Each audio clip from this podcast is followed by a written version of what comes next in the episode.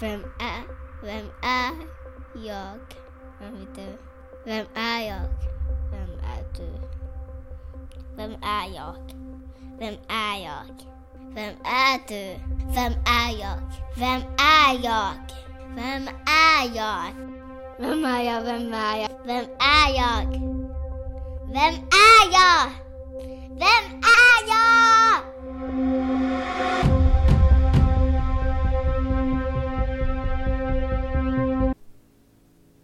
Välkommen till det sjunde avsnittet av podcasten Vem är jag?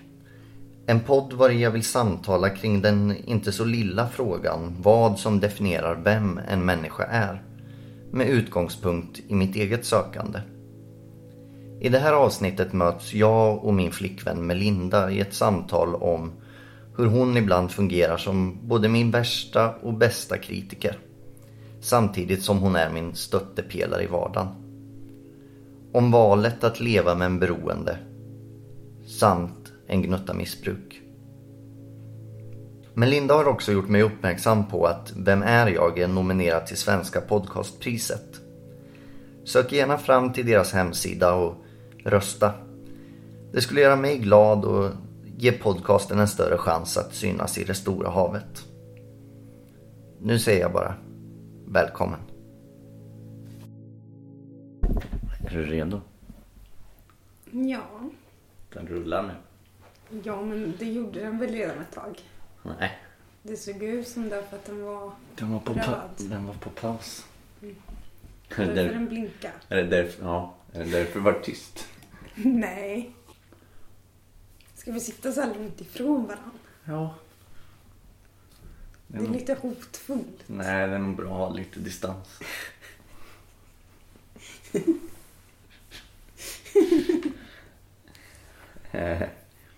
Men sitter man mitt emot varandra så blir det ju typ så här. Hotfullt. Ja. Det ligger väl mest hos dig. Nej, men brukar man inte sitta typ lite snett? Jag vet inte. På, på radion har jag alltid suttit mitt emot radioprata. Ja, men då är det väl för mikrofonerna står så också. Ja, och den här mikrofonen står så här. Ja, jo, okej. Ja. Kan inte säga att jag hade rätt bara. Nej. Jag tänkte att jag eventuellt skulle presentera dig så här i min prata sen. Att du är Melinda som är min flickvän och min värsta och bästa kritiker och stöttepelare i vardagen. Hur menar du att jag är din värsta kritiker? Det kan vara jävligt jobbigt ibland att ha dig som kritiker. Du menar att jag är lite rakt på? Ja. Och att det gör ont ibland. När du ger kritik. Men du brukar ju be om det så. Okej. Ja. Sant. Jag har en del, jag har skrivit upp en del som vi kanske kan prata om. I lite oinbördes ordning.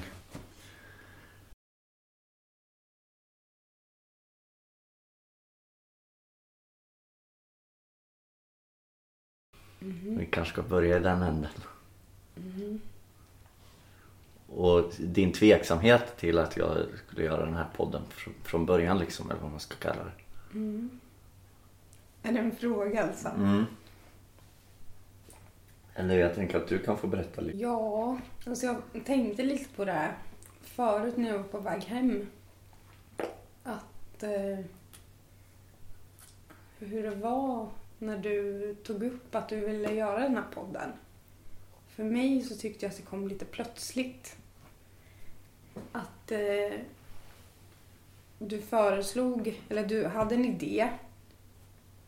Eller du hade pratat lite innan i och för sig om att du ville göra någon slags podd eller någon Youtube-grej och sådär. Och det ska du ju också göra. Med Youtube-serie eller vad det är. Ja, fast inte inom ämnet. Ja. Nej, men, du, men grejen är att då hade du inget ämne än. Helt och hållet. Du var inte säker. Du visste mest liksom format som du ville jobba med. Mm. Men sen så hade du väl lite lösa tankar om vad det skulle handla om. Och det hade du tagit upp någon gång när vi var ute på promenad. Och sen så eh, tog du plötsligt upp lite från ingenstans tyckte nog jag då. För att jag har mig att jag precis hade kommit hem då också. Att jag var lite uppe i något annat. Eller inte liksom hade hunnit ja men eh, kanske ta med ytterkläderna knappt. Eller så här fixa med mitt. Och samtidigt så säger du att ja men nu vet jag vad min podd ska handla om och den ska heta så här och jag ska göra det här och bla bla bla. Och så säger du så här jätteglatt. Eh, låter det bra? Tummen upp. Och liksom verkade väldigt mycket vilja ha min bekräftelse. Eller liksom att jag skulle bli lika peppad som du med en gång.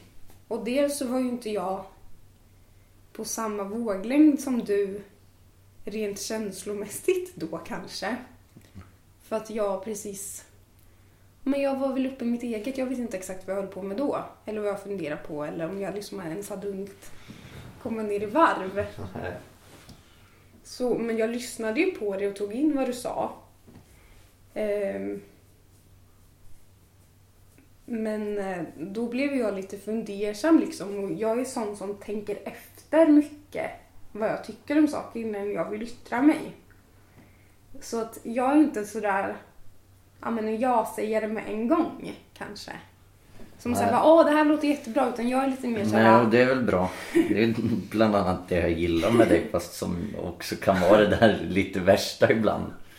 ja, Men det blir ju en, det blir en krock där i och med att som du säger vi just i det specifika fallet var på olika våglängd och för mig var ju inte allt uttänkt för det har det ju inte varit. Men eh, liksom, men du ja. hade väl formulerat en tydligare bild av vad du ville göra än vad du hade haft innan. Ja. Och då var väl du glad. Jo. Men jag blev mest fundersam då. Så här, ja, fick lite frågor i huvudet. Först utifrån vad du hade berättat. Mm. Och tänkte väl inte direkt bara tjo, kör! Så som du verkade vilja. Nej. Och sen kommer jag inte ihåg riktigt vad jag sa. Men jag kanske sa någon lite småkritisk fråga. Eh, ja, men om syftet eller någonting. Aha. Och att jag inte då var så där tjo. Det verkade ja, men, inte göra dig så jätteglad. För då verkade du Nej, tro blev att jag tyckte att det var En dåligt. dålig, en dålig idé. Ja, och det tycker jag inte nödvändigtvis heller. Men jag blev kanske lite rädd att eh, vad är det han nu ska hålla på med liksom. Du hade väl precis startat upp massa annat också. Och just den tiden tror jag att jag nyligen bland annat hade pratat med mina tjejkompisar om att jag tyckte att du hade varit lite konstig. Och startat upp väldigt många olika saker med en gång. Däribland ett syprojekt, ett snickeriprojekt, att du skulle plugga teologi, att du skulle börja med stand-up, Ja. att du skulle göra, eh, du längtade efter att skådespela igen. Det har jag gjort Eh, nu. Ja, men alltså det var väldigt Ja. många olika saker som rörde sig i dig och som du ville pyssla med liksom. Kommer du ihåg något mer kanske? Du, du höll på eh, med marmelader och pajer och alltså du, du var lite så här aktiv i köket. Som jag inte varit nu på ett tag menar du? Ja, inte på samma sätt. Så, men det upplever jag väl med dig att du, att du har dina perioder lite grann där du är jätteintresserad av någonting och sen så avtar det lite. Eh, och om det är väldigt mycket sånt på en gång så kanske man blir lite fundersam. Liksom, hur allvarligt är det den här gången? Är det här någonting du kommer satsa seriöst på eller är det någonting som du tröttnar på efter någon vecka? Och framförallt så tror jag eh, gällande podden just att du sa någonting om att ja, men det här är för att hjälpa andra. Och då tänkte jag lite så här att men hallå, ska du inte hjälpa dig själv först innan du hjälper andra? Men då tänkte jag mycket just då att ja, men nu är han väl i någon slags manisk fas. Eller Mm. hypomanisk då antar jag att det är i och med att du inte var helt galen. Nej. Men att du ändå var ja, men uppe i varv minst sagt. Jo. Och att jag upplevde det just då som känsligare än vanligt också. Att du blev lite sådär att du, att du gärna ville ha bekräftelse på de sakerna du gjorde. Och att du verkade känslig för om du inte fick den sortens bekräftelse som du önskade i stunden. Eller den sortens engagemang. Ja, jo. Mm, verkligen. Och det var väl lite en liten del av din oro också kring syftet med podden också. Eh, att det kanske var lite så också att ja men titta på mig, jag är duktig eller sådär. Alltså bekräftelsen. Ja, alltså en sak var ju att eh, när vi lärde känna varandra ganska tidigt tror jag att du sa att du är en person som, eh, som behöver mycket bekräftelse. Och jag tror att du har sagt det i podden också.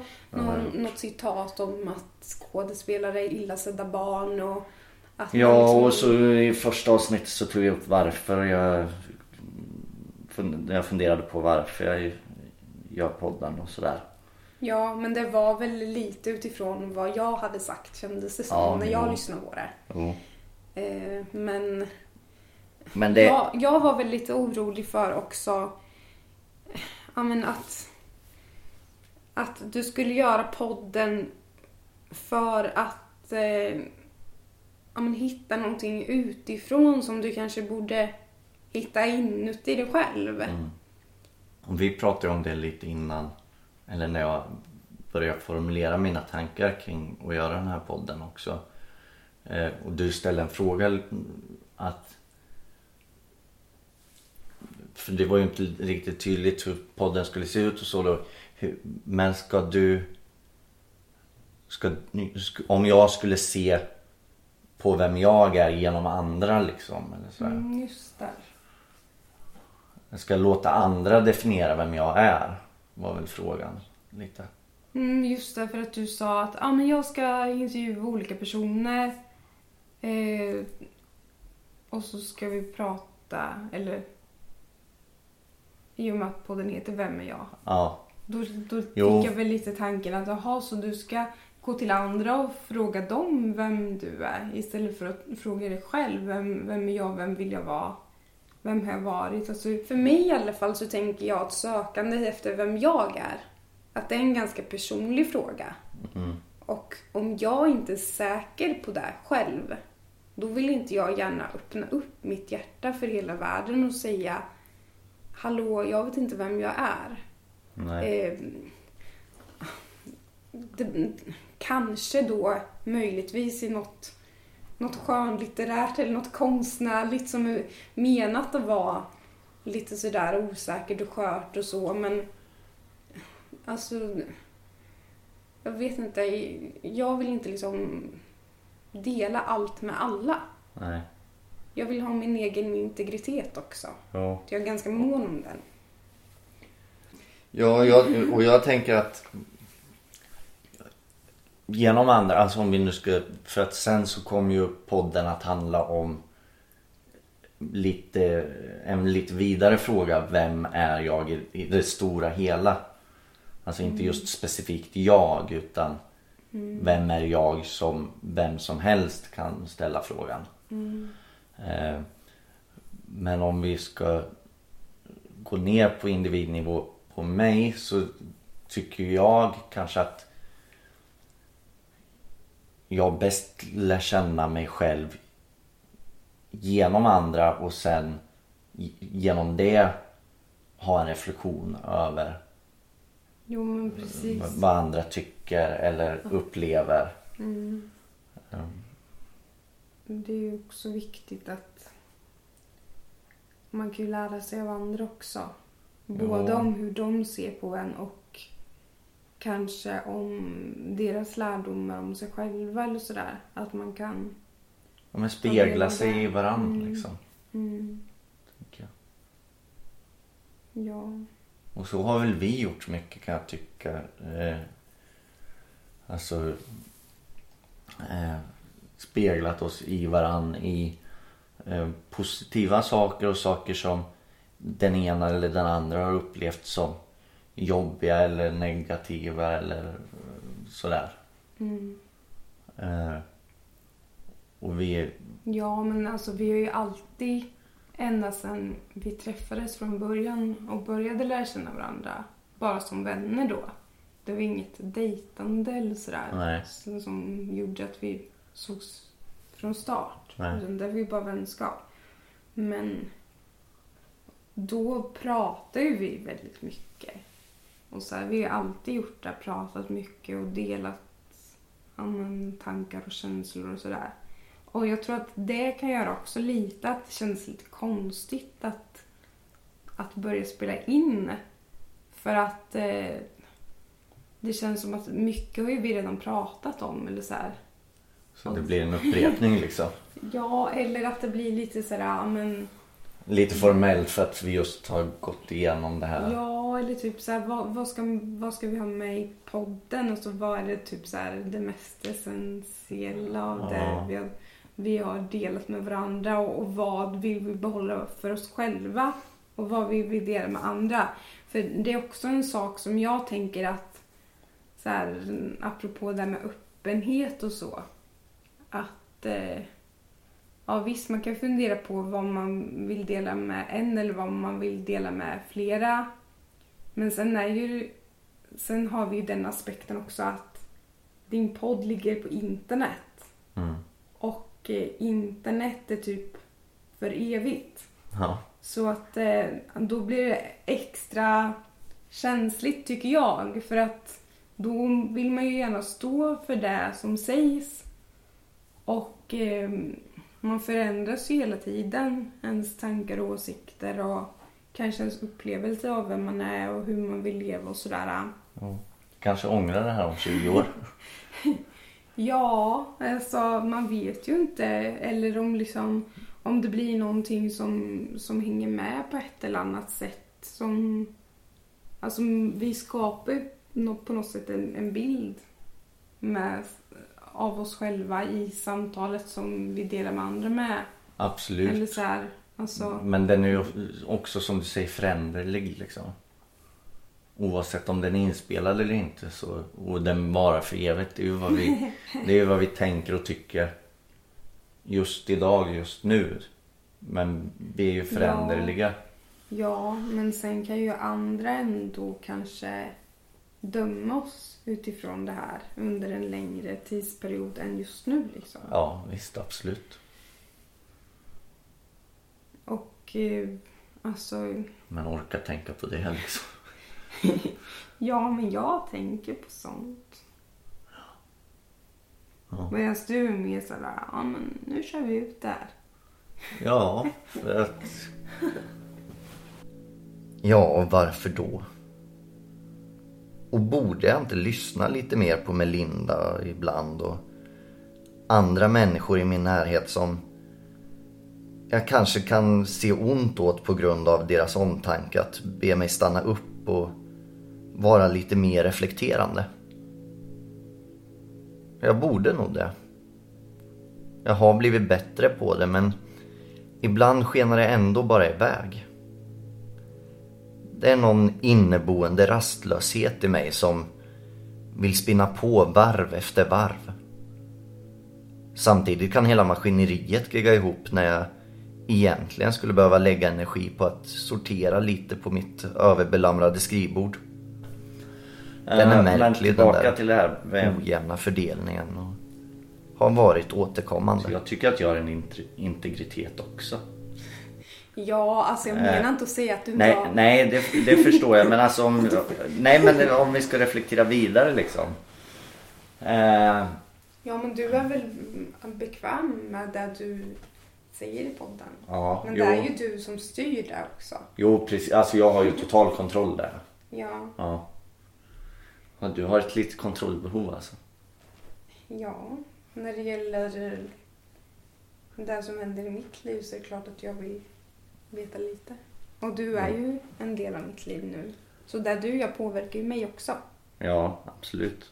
Det var därför jag ville det var därför jag ville delvis förankra det här men sen också att, att jag då blev så ledsen att när jag kände då, för det var ju så jag kände då att eh, du, kanske tyckte att det var en dålig idé liksom och då blev jag ledsen för det och så var jag extra känslig som du säger och sådär. Det är ju för att jag vill ju inte göra Men något. du sa att det var för att du var van vid att andra människor inte tog dina idéer på Ja, allvar och så att det liksom triggade något slags minne av det också. Absolut, men så är det väl. Och jag menar, i förra avsnittet så gjorde min syster eh, någon eh, liten notis om det i början också. Eh, att hon inte, hon liksom bara hade hummat och sagt att ja men det blir bra när, när det blir av eller sådär. Om att vara med i podden. Eh, för att hon inte tagit so- alla saker mm, som jag gör. Mm, alltså Ja, många saker på allvar. Så. Nej, de, delvis är hon inte intresserad men så kan jag ju tänka mig för jag menar det är säkert många andra i min närhet som känner igen sig i den här eh, bilden av som du ger nu av alla projekt jag startar upp och så blir det lite halvdant med allihopa. Eh, sådär. Eh, och allt ska hända så fort och, och hela den biten. Men jag tänkte väl lite också att ja, men ska, ska ditt mående baseras på hur bra det går för bloggen? Liksom hur, Ja, hur podden mycket- jag. Ja, podden menar jag. Ja, men hur mycket ska den påverka ditt fortsatta mående? Jo. Eh, om det går bra för podden, kommer du må bättre då? Liksom, kommer du bli beroende av den bekräftelsen eller kommer, det, liksom, kommer du dippa om det är inte är så många som lyssnar någon gång? Eller, alltså, jag, det var Nej. väl sånt som jag började fundera på men då hade du ju inte gjort ett enda avsnitt än. Men Nej. jag var ju osäker på liksom vilka personer du skulle prata med, vad ni skulle prata om och om, om du hade tänkt igenom ja, men hela grejen. Vilket jag inte kanske hade gjort helt och hållet. Nej, det brukar ju vara så. Ja. Och det är därför jag blir ja, men extra tankfull kanske. Jo. Och Det- ställer lite frågor medan du kanske mest vill höra Ja, kör, vad roligt, Ja, vad jo. bra. Och det är därför du är så, det är därför du är så bra att ha i mitt liv även eh, om vi nu ska kalla det här för det konstnärliga planet. Även fast att eh, podden är ju dokumentär. Ja, men du förstår. Det gäller ju noveller och, och annat också. Som du kan vara, ställa kritiska frågor till och obekväma frågor och saker som jag kan bli irriterad på. Det har ju också att göra med att jag är så fruktansvärt dålig på att ta, kritik. Mm, du har ju sagt det, men sen frågar du ju ofta vad jag tycker också. Ja, jo, men det... Ibland är det ju så att du frågar vad jag tycker och sen när jag säger vad jag tycker Så blir jag arg. Ja, eller att du börjar försvara det på ett ganska hårt sätt. Ja. Som att jag har kränkt dig. Ja. Jo, det, ja, jag känner igen mig. Eller alltså det är ju så. Jag ser inte emot nu. Och det är ju det som är så, det är så Men det låter lite som att jag sågar dig till fotknölarna tycker jag, när du Nej. pratar nu. Som att jag bara kommer med så kritiska kommentarer. Allt du säger bara nej men ska du verkligen göra det där? Och har du verkligen tänkt på det här? Nej, nej, nej, nej. Så är det verkligen inte. Eh, men det finns de stunderna också. Jo. Eh, eh, det ligger ju mer egentligen, eller mest enbart kanske, jag vet inte. Hos mig det här med att svårigheterna är att ta kritik eller uppleva att du är alldeles för kritisk eller sågar mig längs med fotknölarna eller att jag upplever att du säger att eh, det är inte bra alls eller sådär. Det är ju egentligen aldrig som du gör det. Men jag kanske upplever det så. Det ligger hos mig. De känslorna. Ja, men att Eh. ge kritik är ju också en konst. Ja, Alltså på ett konstruktivt sätt. visst, absolut. Men det är det som är så parad- paradoxalt att jag vill ha kritik Men jag har jättesvårt att ta kritiken och eh, börja försvara och sådär. För att det är ju nyttigt för mig att få kritiken. Utan det så är det mycket saker som inte hade blivit så bra om vi nu ska klassificera det så som det har blivit. Alltså jag är finalist i Unga Berättare i år till exempel. Det, är ju, det hade jag aldrig varit själv. Det har jag sagt förut. Så det, eller hur? Så det säger jag inte bara för att visa mig duktig inför de som lyssnar nu. Men det är ju så. Så det är ju lika mycket din vinst som min egentligen. Och de första poddavsnitten här, pratar och sånt vill jag att du skulle titta igenom eller du skulle lyssna igenom avsnittet och så. Sen har det blivit tajtare och tajtare med tid för mig, min del. Och, du kanske har blivit lite tryggare i ja, vad du vill göra ja, också. Ja, det också. Sen har du ju inte alltid lyssnat på mig heller. Nej, och, alltså, absolut. Det är väl också någonting som du har haft rätt i någon gång när du har argumenterat för varför du försvarar dig. Att du vill förklara hur du har tänkt eller mm. sådär. Jo. Och eh, alltså på det sättet kan det också vara bra att få kritik om man eh, inte bara för att nödvändigtvis ändra sig utan också Nej. för att kanske bli stärkt i sin egen åsikt eller vad man själv vill göra eller vad man tycker och sådär. För att man då får liksom ja, men tänka till lite varför jag har gjort så här. Jag vill faktiskt göra så här även fast ja. inte du tycker att det ska vara Nej, så. precis. Absolut. Ehm, och också kan ju jag jag kan ju vilja ifrågasätta saker som egentligen är självklart för mig. Att så där ska det inte vara eller så ska det vara. Men ändå säga tvärt bara för att eh, pröva tesen eller vad man ska säga. Mm, sen kanske du inte alltid är tydlig med att det är det du gör. Nej, nej, visst. Speciellt inte om du är i affekt. nej, verkligen.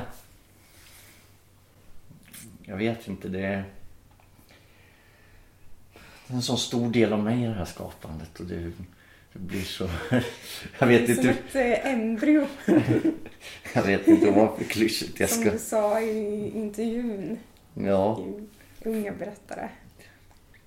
Men jag är, jag är ju väldigt klyschig. Eller sådär, alltså pretentiös. Eller? Du kan ju vara det. Ja. Men det kan, kan vara motsatsen också då. Vad är motsatsen då? Ja, det är frågan. Lättsam. Ja, eller... Prestigelös. Prest... Ja. Alltså strunta i saker och ting. Ja, alltså du är ju inte perfektionist alla gånger. Nej, nej. Långt Men alltså, Det kan ju också vara bra för att eh, alltså jag själv kanske har haft lite motsatt problem om man nu ska kalla det så. Jag tänkte på det att när jag var liten så var jag väldigt duktig på att rita. Mm. Och typ eh, folk sa till mig jämt att ja, men skicka in till TV och så här Bolibompa och sådär när de visar upp teckningar eller till olika tävlingar för barn och så. Mm. Men jag ville liksom inte lämna ifrån mig det jag hade gjort. Jag ville ha det själv, eller ge till mina nära. Jag ville inte att det skulle hamna i, i någon låda eller någon kartong hos någon, någon främmande studio eller någon person som inte jag visste vem det var. Så då gjorde jag sällan sånt. Men någon gång när jag ändå gjorde det så vann jag någon teckningstävling och sådär. Men, ja. Vem är du då? Du kör alltid den där frågan lite så här. Ja, det är lite fort så man inte... Lite, lite från ingenstans. Ja. Det jag tror, eller det som jag, som jag tänkt på är väl en känsla typ. Som jag tror att jag liksom ibland när jag har känt att, att jag verkligen är mig själv eller att jag är trygg i mig själv och att jag är där jag borde vara. Och att jag inte liksom är inne i någon roll eller så här. ja, men någon, någon riktigt så här påklistrad social roll. Då är det en känsla. Och den har jag nog haft mest med min familj kanske.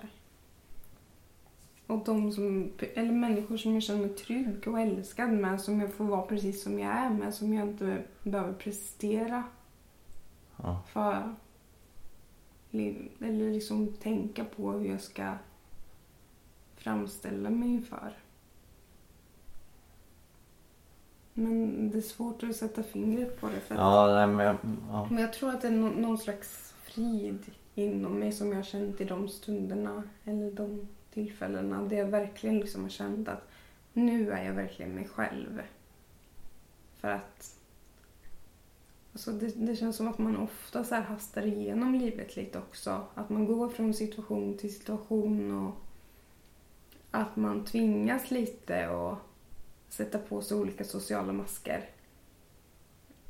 Och då kan det vara lite svårt att veta vad som är kärnan i en själv och vad som är någonting som man bara så här förställer sig i eller som ja, men något, lite skådespel typ. ja.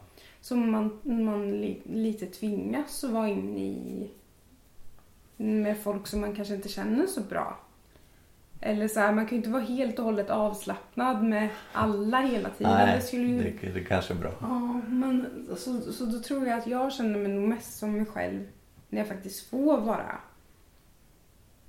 avslappnad och inte bara tänka så mycket på är jag rätt nu, är jag fel nu eller så här utan bara få ta det lugnt och ha landat. Och den känslan kanske också kan finnas mycket när man är ensam för då måste man inte ta hänsyn till eventuellt andras föreställningar om mig själv utan då är det bara ens egna man har.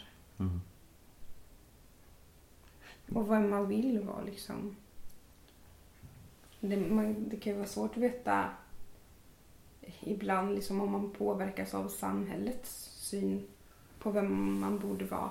Eller vad som är det och vad som är, kommer inifrån. Verkligen. Eller om det går in i andra. Ja. Att det blir att man önskar någonting för att andra önskar det eller sådär.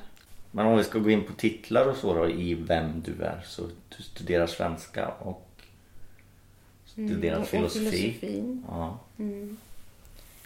Och jag skriver. ja. Både artiklar och recensioner. Mm, Och- med recension är ju en artikel. Reportage.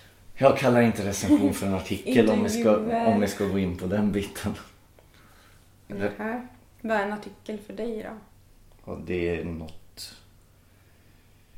Ett reportage. ja alltså mer allmängiltigt liksom. Nyhetstext. Ja, kan man säga. Mm. Inte vad en enda människa i stora hela världen tycker. Mm. Men alltså jag har ju svårt att kalla mig själv författare som du gör. Ja, Och hur kommer det sig där? För du är ju det också. Du är ju lika mycket författare som jag är egentligen. Ja, men för jag tänker typ att... Alltså för mig låter det konstigt att säga att någon är författare om den bara har gett ut... Ja, men om den inte har gett ut ja, men, böcker på förlag, typ. Men det har du gjort, typ. Jag är med i en antologi med min novell som jag vann Unga Ja. berättare med. Ja, men, alltså det är en novell. Jag skulle nog se mig som författare först när jag typ har gett ut några böcker kanske. Menar det att, innebär det att jag inte kan kalla mig författare? Mm, Jag tycker att det är konstigt att du gör det. Jag, reager, alltså jag reagerade när jag såg det på din LinkedIn. Då tänker jag lite så här, jaha. Alltså, Men jag är ju publicerad på ett förlag också. Ett teatermanusförlag. vad är det du har publicerat då? Ett barnteatermanus. Så det är också i någon slags antologi med olika Nej. manus? Nej, men är det bara ett manus? Som Bara mitt manus. Ja, men alltså då är det ett manus. Ett och du, manus och du som, tänker att som ja, jag är författare på. Eh, och sen så har jag skrivit... eh, Alltså, du har ju skrivit mycket, så jag förstår ju på ett sätt att du identifierar dig med att vara författare.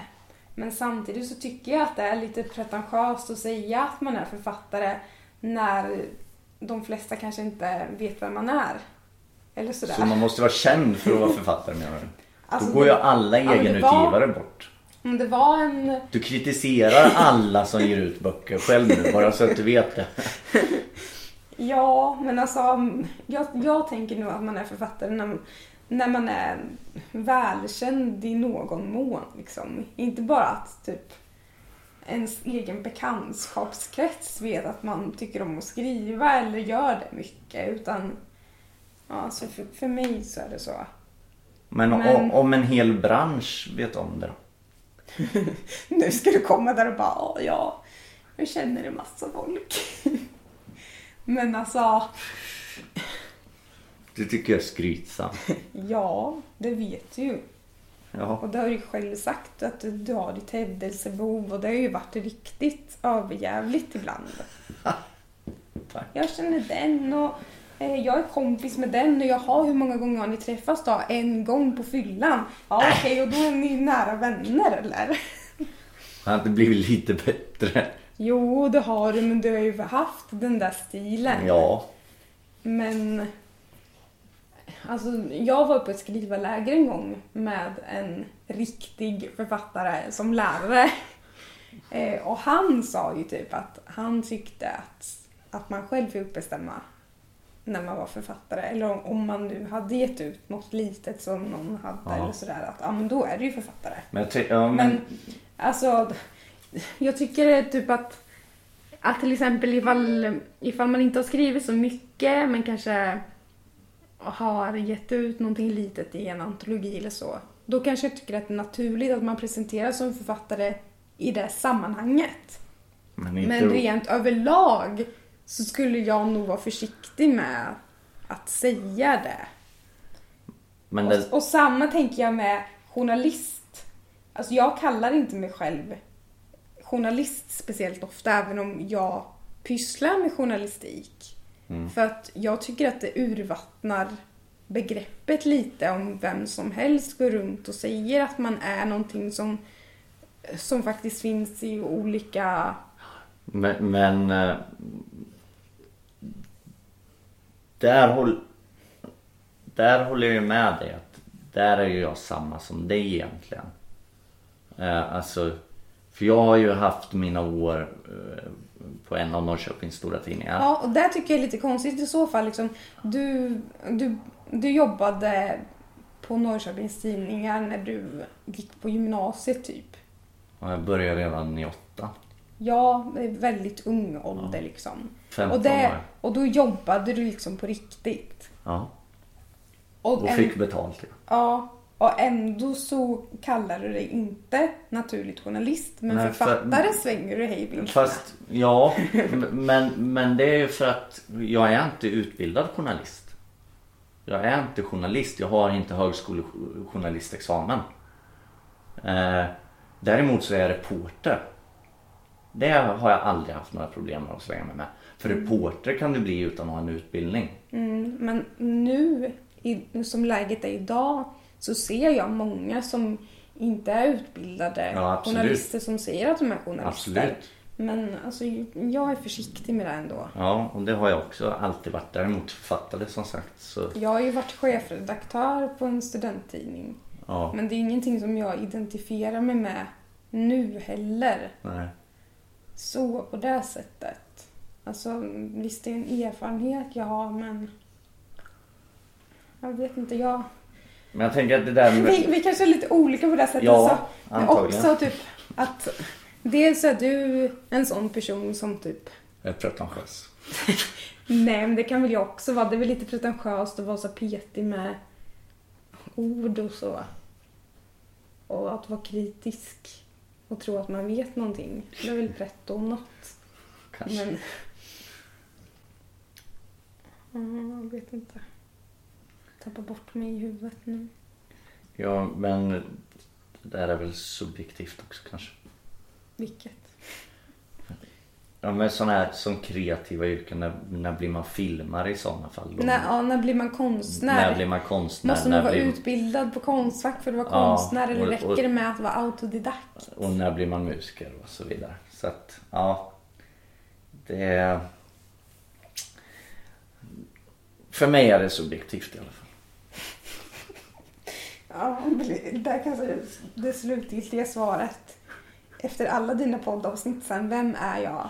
Det är, Det är sub- subjektivt. Det är olika beroende på vem man frågar.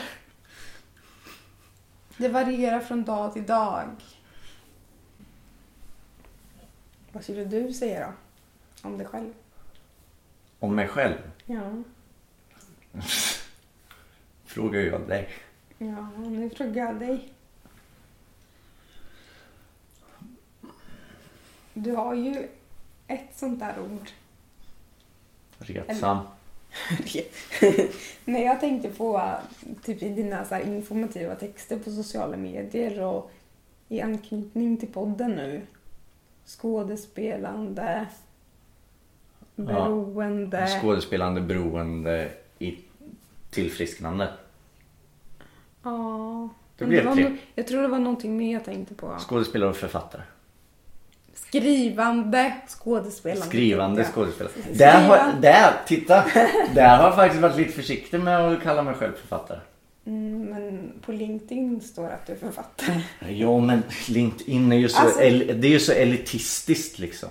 Jaha, och då, Känns det som. och då känns det som att du måste Ja liksom då fall, ja då anpassar Men sån har jag alltid varit. Alltså jag har ju varit en kameleont i alla, alla former. Jag har kunnat platsa in i, på fina ställen liksom där det ska vara så här. Uh, trots att jag är mm, född i medelklass, uppvuxen. Eh, samtidigt som jag har kunnat eh, umgås med eh, kriminella och hittat någon slags plats där också. Mm, vad är det som har varit den gemensamma nämnaren då? Drogerna? I de kriminella kretsarna, Ja. ja, där har det varit mm, droger. Absolut, men att jag ändå kunnat omforma mig och finna en plats Vad är där det för också. gala du menar nu då? Ja, filmfestivalen i Trollhättan, Novemberfestivalen har jag varit på och entreprenörsgalor och sånt där. Då det är middagar och banketter och så. Och då det ska skålas och vara lite fint och bröllop. Jag ställer ju inte till en scen på ett bröllop liksom. Nej. Utan jag kan föra mig i sådana situationer rent socialt. Samtidigt som jag då kan anpassa mig till ett hårdare klimat också. Även fast att jag inte är någon framträdande i de klimaten. Men hur tänker du att eh, den delen av dig hänger ihop med den blyga delen av dig? Nej men det har väl just med blygheten att göra. Att jag som en kameleont då som ändrar färg efter underlag eller hur det nu fungerar. Eh, att jag då ändrar färg efter eh, mitt, vad jag har omkring mig för att passa in så bra som möjligt så att jag syns så lite som möjligt. Säger du nu att du inte tycker om att synas? Eller att du inte Ja, försöker i, synas? i, ja, i vissa sammanhang så gör jag inte det. Som när du hade födelsedagskalas så, eh, alltså jag eh, tycker sådana saker är jobbiga när det kommer lite folk som jag inte känner riktigt och sådär. Och så Jo, ska jag jag si- märkt. sitta och vara social. Eh, men att ställa mig på en scen för massor människor eh, eller eh, Eh, synas så här. Även fast att jag nu till skillnad från en scen är mer privat och personlig liksom så eh, så är det, är det lättare än att vara alltså bland folk i ett umgänge.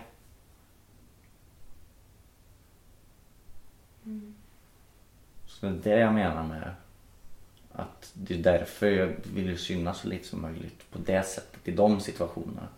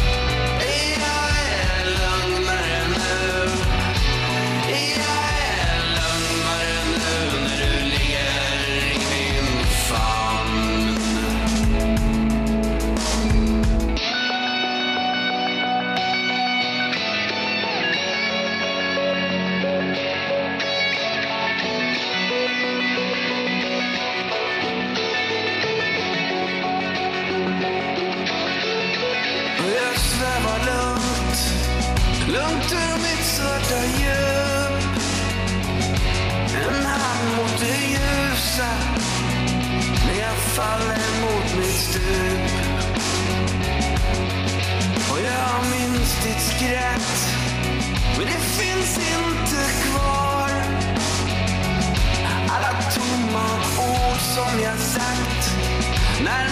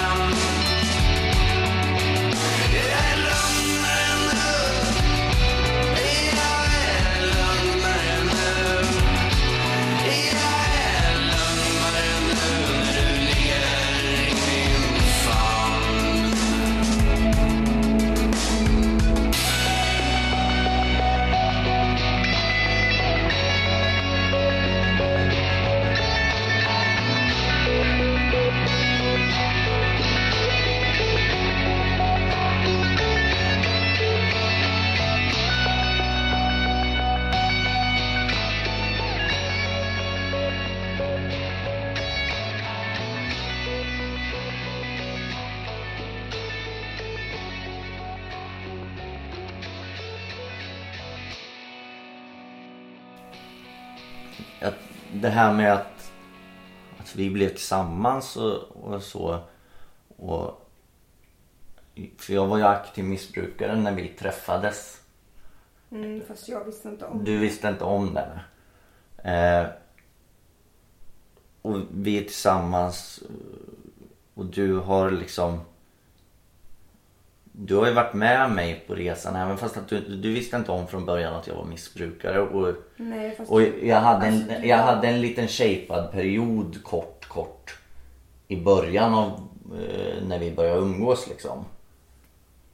Eh, Ja, alltså vi gick ju på krogen och drack vatten. Ja, Och du verkar jättestädad.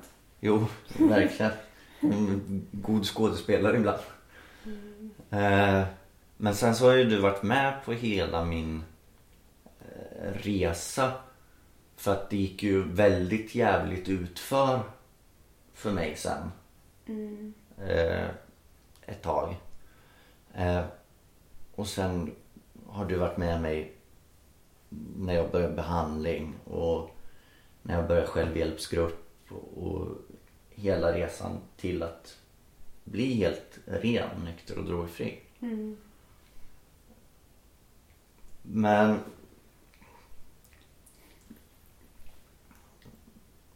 jag menar du måste ju ha sett något hos mig som inte är den missbrukarpersonen som jag är i aktivt missbruk. Ja, verkligen. För att när det började bli lite mer romantik mellan oss, om man säger så. Då började du också spåra ur mer och mer. Ja. Första gången vi träffades eller något eh, då satt vi hemma hos dig först och snackade massor massor. Och vi pratade lite om det här. Jag hade som sagt, jag berättade väl lite kort eller något om att jag hade druckit för mycket och att jag var nykter nu och bla bla bla. Eh, Du berättade väl flera mer osmickrande saker om dig själv. Men du gjorde det på ett ganska lättsamt sätt. Så att det nästan blev lite humor av det. ja, Alltså lite så svart humor då. jo. Och nästan kanske mer att det var lite synd om dig. Ja, det kan jag tänka mig. Jag ty- tyckte nog då att det var väldigt synd om mig. Jo, Alltså, alltså själv, liksom- självömkan hos en, eh, en missbrukare är ju grymt stor. Men alltså det var väl lite så här äh, i en jobbig period också. Ja, Och att det då låg nära till hands kanske att bara dra upp negativa saker med dig själv och typ skoja om det mm. lite. jo. Alltså för det blev ju ganska skämtsamt och vi var ju ganska öppna mot varandra. Ja, det var vi verkligen. Och jag minns att du pratade väldigt illa om droger. Gjorde jag det då? Ja, det gjorde du. Vad sa jag då? Var det för att du hade sagt något om det? Eller var det Nej. jag som själv föreläsa? Nej, det, det vet jag inte. På något sätt så, så kom vi in på det. Jag vet inte om det var jag som försökte känna av stämningen liksom eller något. Vadå för att se om jag ville? Nej, nej, inte om du ville ta droger men vilket, om, du var li- för om, typ, ja. om du var liberal eller om du var motståndare. Vilket, Jag menar du har ju aldrig varit en festperson. Över, Nej, ö- men- överhuvudtaget. Men det, för, ja, men för det kommer jag ihåg att det var jag väl ganska tydlig med tidigt. Ja, För att jag tror att du var lite så här, men vi gör någonting. Vi går på krogen, vi gör något kul. Vi sitter inte bara hemma. Ja. Och jag var mer så här, ja, jag är för det första inte en festperson. Och jag är inte på humör nu. Men sen så fick du ändå med mig dit. Fast att vi mest stod där och drack vatten. ja, Men... eh, Ja, så då kanske det var i anslutning till det då. jo precis. För att... Eh, Ändå, jag, jag, jag kanske pratar ganska illa om att festa överhuvudtaget. Typ bara, men jag vill inte, jag tycker inte det är kul, bla bla bla. Mm. Alltså, ja, då kan jag tänka mig då att jag sa att, att jag varken gillar alkohol eller annat. nej. Och så Alltså. hamnar du med både en alkoholist och narkoman. Ja, men för själv har ju inte jag ens rökt en, en vanlig cigarett i hela mitt liv. nej, Och det är faktiskt någonting som jag är stolt över. För men att det känns- ska du vara. För att det känns som... Eh, Det är ju en bedrift nästan. nej, men alltså egentligen så tycker inte jag att det är någonting som har varit svårt för mig. Nej. Jag har inte upplevt så mycket grupptryck eller sådär. Eller så har jag inte bara brytt mig om det. Typ i senare tonåren och mer i vuxen ålder. Så jag har haft en del vänner som typ, ja men det är klart du ska prova och typ Mm. röka lite. Alltså van, vanlig cigg då. Ja. Men det är väl typ första gången i mitt liv då som jag verkligen har känt att folk har försökt pusha mig till det. Men då har jag ju verkligen varit bestämd att nej, ni kommer inte få mig till det. Men det känns ändå som att det är ganska ovanligt idag att inte ens ha testat. Och Ja. därför är jag stolt över det. För att, eh, inte bara för att jag inte har gjort det, utan för att jag vet att jag själv har bestämt att jag inte vill det och att jag har hållit fast vid det. Men det förstår jag. Eh, sen så tänker jag på... För jag kan inte skylla på eh, någonting som jag har gjort. Varken rökt eller börjat snusa eller eh, dricka eller ta droger. Att jag kan skylla på något grupptryck liksom. Eh, det, Mm, men det är ju... det som ofta snackas om. Ja, ja. Det är absolut. jag sa det. Ja, ja, absolut. Men jag kan inte dra paralleller till mitt att det har varit så för mig. Mm. Eh, utan jag har ju egentligen istället varit eh, en ja-sägare till allt. Jag har ju Mm, hoppat på allt varit liksom. nyfiken. Ja, nyfiken och eh, irrationell. Eh, Äventyrslusten. ja. Eh, och inte så reflekterande alltid kanske. Nej, jag väl Och inte, då... inte konsekvenstänk. Jag har väl alltid varit väldigt försiktig av mig och eh, alltså lite i överkant ibland. Som typ när jag skulle bli medlem på Lunarstorm och läste igenom Ja, användaravtalet till punkt och pricka för att det stod att man skulle göra det. Ja. Att jag typ bara, men jag kan inte trycka på acceptera om jag inte verkligen kan känna att, Att, jag du kan stå bakom det. Ja. Och så är det ju lite Men, fortfarande. men jag fattade ju knappt vad jag läste men det var en princip liksom att jag kan inte trycka, trycka i att jag har läst och förstått och jag går med på det här om jag inte har gjort det. Nej. Alltså, alltså jag har väl mer varit liksom duktig flicka så att jag att jag velat göra rätt för mig. Att jag har liksom varit ganska mycket så moraltant sen jag var en liten flicka. Ja. Det här med att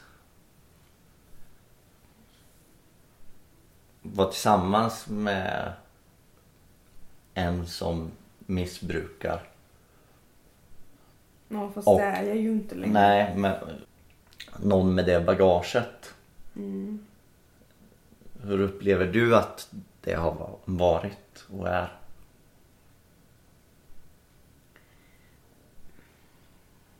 Alltså, det har ju varit väldigt dubbelt och förvirrande för att eh, mm, jag lärde ju känna en, en helt vanlig person kanske jag inte vill säga ändå. Det är ju inte vanlig. Då kanske, Nej. då kanske inte, det är som vem som Du, helst. du är falsk marknadsföring. Nej, alltså. Men jag lärde känna en person som, som jag inte trodde missbrukade. Mm. Eller hade med sånt att göra liksom. På det sättet. Nej, inte hade den problematiken helt enkelt. Nej. Och sen så dök en annan nisse upp helt plötsligt. Mm, en ful gubbe typ. Och, in, och inkräktade på tillvaron. Ja, Ja. och eh, alltså då, då blev det typ som att det var två olika personer. Och eh, då började jag tvivla på vem av de två personerna som var den äkta Adam. Mm. Jag, jag funderar på ifall du lurar mig liksom med den normala du. Och ifall den här äh, missbrukartypen var den riktiga du liksom. Eller den otrevliga typen du. Mm. Mm. Hur, Och alltså jag tror också att en del av det var att jag, att jag visste liksom att du hade skådespelarbakgrund. Att jag tänkte att ja, men du har bara spelat trevlig. Ja. Du är liksom proffs på det. Du vet väl hur du ska göra för att jag ska tycka om dig. Och egentligen så vill du bara utnyttja mig typ. Mm. Eh, hur, hur upplevde du det från andra? Andras perspektiv? Ja, alltså... Um,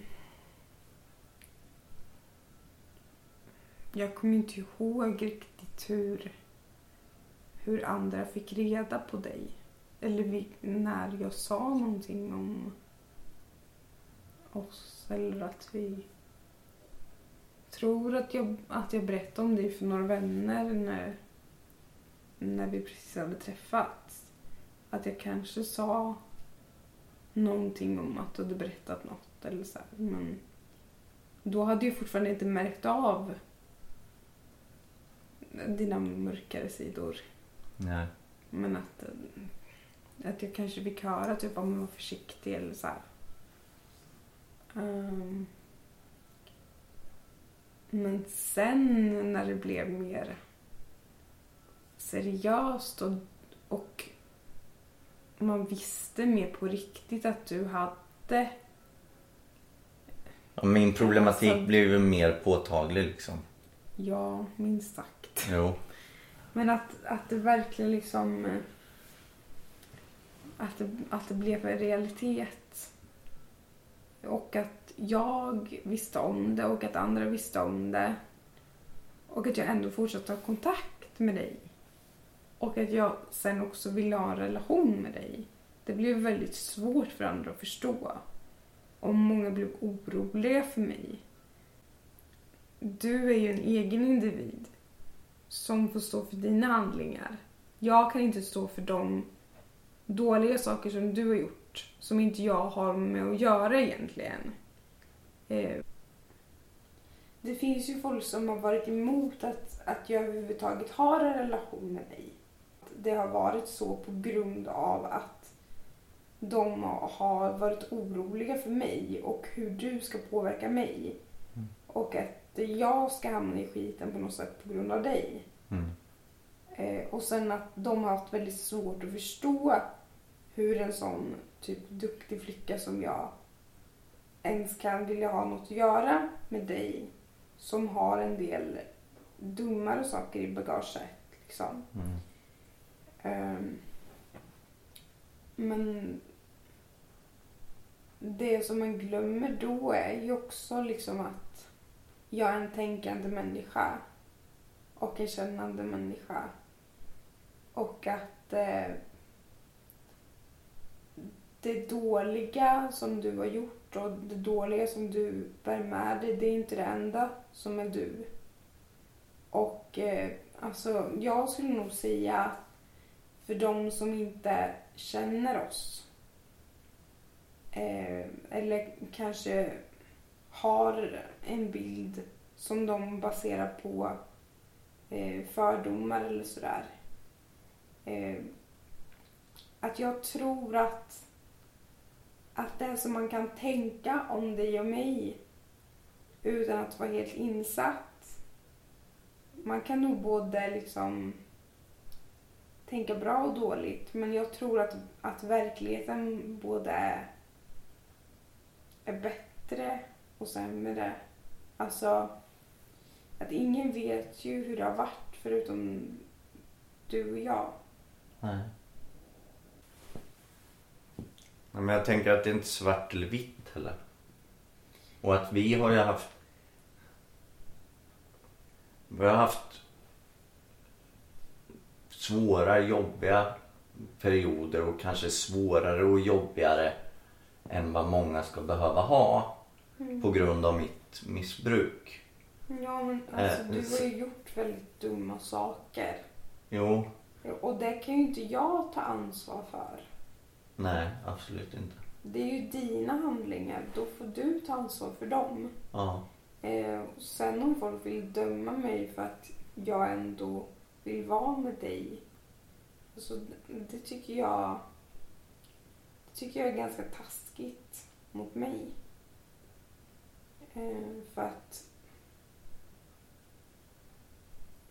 jag vill ju vara med dig för de bra sakerna. Och så har det ju alltid varit.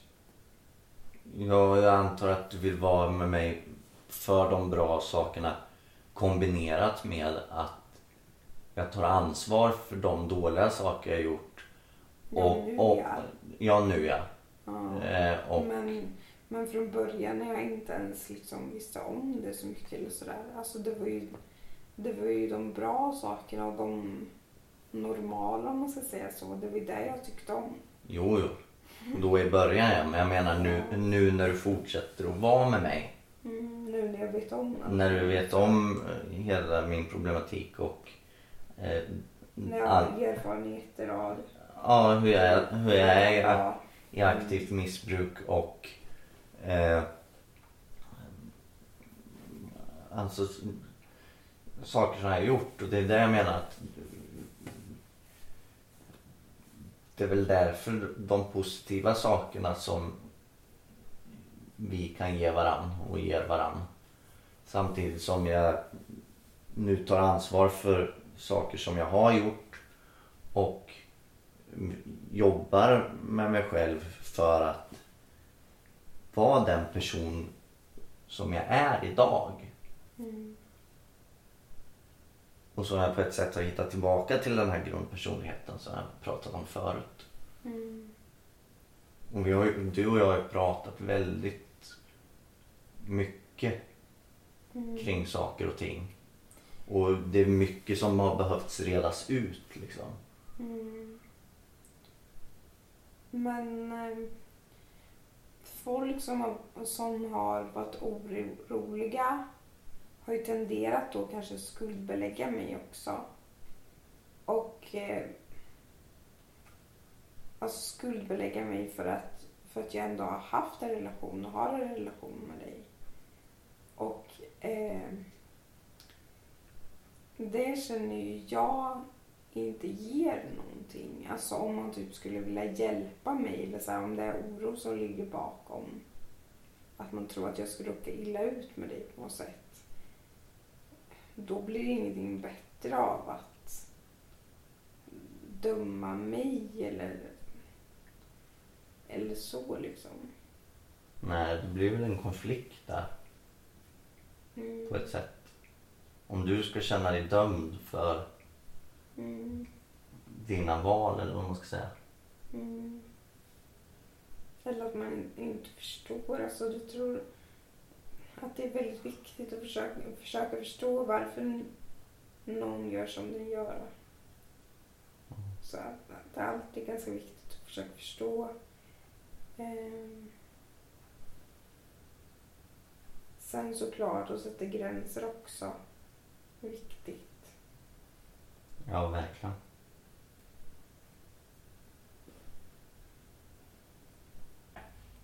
Men som det är nu så, så lider jag inte. Skönt. Som jag gjorde innan liksom. Nej. För att eh, alltså jag tror jag har snackat med mina kompisar om det med att jag märker ju inte av det längre. Och jag tror att det beror också på att jag inte har känt dig så länge när du har varit i missbruk. Liksom. Det var en kort period. Mm. Så att jag tror att det skulle varit skillnad ifall jag hade levt med dig länge och typ eh, var tvungen att leta flaskor eller vad man nu gör när man är medberoende. Alltså visst, jag har väl kanske eh, vissa tendenser och sådär. Ibland att jag oroat mig och så. Ja. Att det är något drag gemensamt för medberoende. Ja. Men för det mesta så känner jag nog att att det jag märker av är att du går på möten ibland. Men det skulle lika gärna kunna vara att du gick till gymmet ibland eller att du gick och bowla eller spela tennis eller sådär. Alltså du, du är borta någon timme och sen kommer du hem igen. Alltså, mer än så så Nej. är det inte nu. Men det är ju en väldigt stor kontrast hur du är idag och hur du var i början. Men det är någonting som är obehagligt för mig att tänka på också. Så det, Ja. det är svårt för mig att, att prata om det för att det, det väcker ju obehagliga minnen. Mm. Och det är liksom så här också... Jag tror att, att det känns lite overkligt, typ att det är som att jag själv knappt kan tro att du har varit den människan du har varit när du har varit som mest elak och... Nej, och det, Opålitlig. och det kan vara, det kan vara svårt för mig att tro också ibland. Och det är därför jag går på möten också för att påminna mig själv om vart jag skulle hamna om jag skulle börja igen. Vill jag bara säga tack för att du är med i min podd. Mm, tack för att du är med i mitt liv.